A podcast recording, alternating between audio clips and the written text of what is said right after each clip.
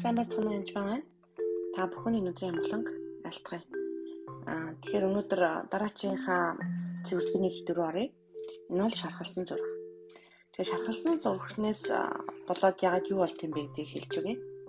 Аа тэгээд шархалсан зургийг мэдээж эдгээдэг нэг нь бол бурхан байгаа. Ягаад гэвэл Исая 61 дээр хэлэхдээ Иесусийн дахь их үзүүлэг дээр эзэн Бурхны сүнс миний дээр байна. Учир нь эзэн намайг зовгостод сайн мэдээг дэлгэрүүлэхийн тулд тамилсан юм. Тэр намайг шаналсан зөвхтэй хүмүүсийг идэгэн гэж. Олсцосод ирэх чөлөөг тунхлаж хүлээстэй хүмүүсийг чөлөөлөхийн тулд мөн эзний тааламжлал бидний Бурхны өшөө авах өдрийг тунхлан бүх гашуудчийг тайвшруулан Сионд гашуудд үнсний оронд цэцгийн хэлхийг өгч гашуудлын оронд баяр хөөрийн тос гаслан сүнсний орн Магдалины хувьд сойрхын тулд илгээсэн юм а гэж бичсэн байна л да. Түүнчлэн Египтээс гарсан 15 26 даа тэр хэрв та нараа өөрсдийн бурхан эзний дуу хоолойг анхааралтай сонсож түүний эмэлгээд зүгийг үлдэж түүний тушаалуудад чиг тавьж түүний бүх тогтоолыг сахиул би Египтчүүд болгосон өвчтөнөөс нэгийг нь танарт болохгүй учир нь эзэн би бол та нарыг эдгээгч үлээ гэж хэлсэн ба. Тэгээ эзэн бол эдгээгч. Тэр үнэхээр эзэн дээр шархалсан зургтай хүмүүс ирдэг ба эдгээдэг ба.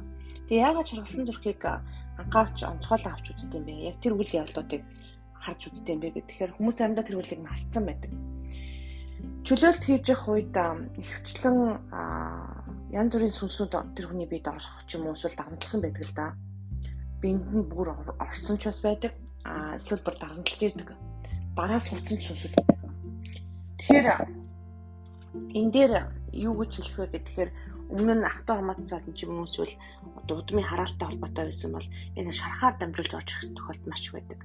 Нөгөө хазаалсан дээр нь түлхэн гэдэг шиг л яг хатгуулах үед нь хамт ороод ирдэг байна.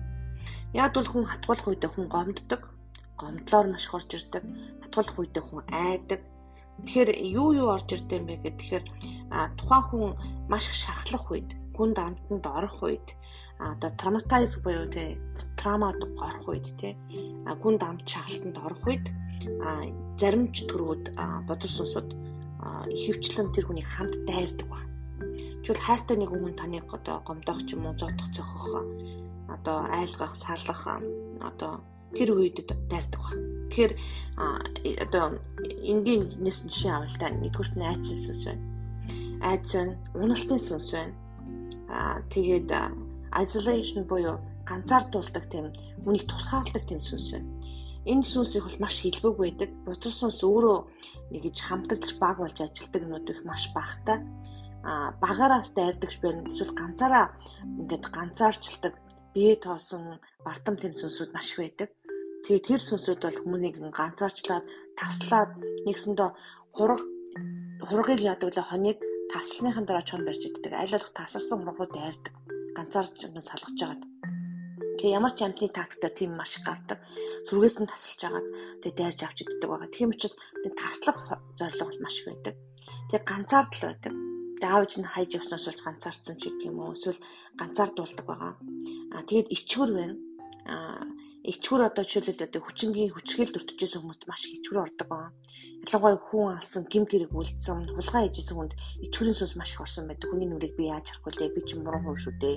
Гэ ицсэн а одоо юу гэдэг гэлээс би ч юм уу тодорхой хэмжээр буруу бас гаж урсгалын юм дээр буруу одоо сүнсний болон одоо сексийн асуудалд орж исэн хүмүүс маш хичгүүрийн сүнс орж ирсэн байдаг. Тэгээ тэр сүнсийг хөөх ёстой. Бид контрол хяналтын сүнс бас байдаг. Хяналтын сүнсүүд Аа тэгээд аав ээж нь хайж орхиж явсан эсвэл өргүүлсэн тийм хүмүүстээр юм яг юм хаягдлын сүнс байдаг. Хаягдлын сүнстэй хүмүүс ингээд өөрөө хүн хайж явах юм сонирхолтой юм их орхидог, тэндэг, тэнүүчилдэг байгаа. Жишээлбэл одоо аав ээж хоёр нь орхиж явснаас болоод хүүхэд нь вогоон тэндэг болсон тийм охиныг сайн мэднэ Тэгээд одоо бол Иесус тэр ирээд хүнтэй суугаад хүүхдээ олцсон сайхан байгаа л да. Тэгтэл одоо тэнээ явчдаг, алга очдаг, ардаас нандаа хөөцөлддөг, нөгөө хамт байгаа ахту хамаацсан санаа зовдөг.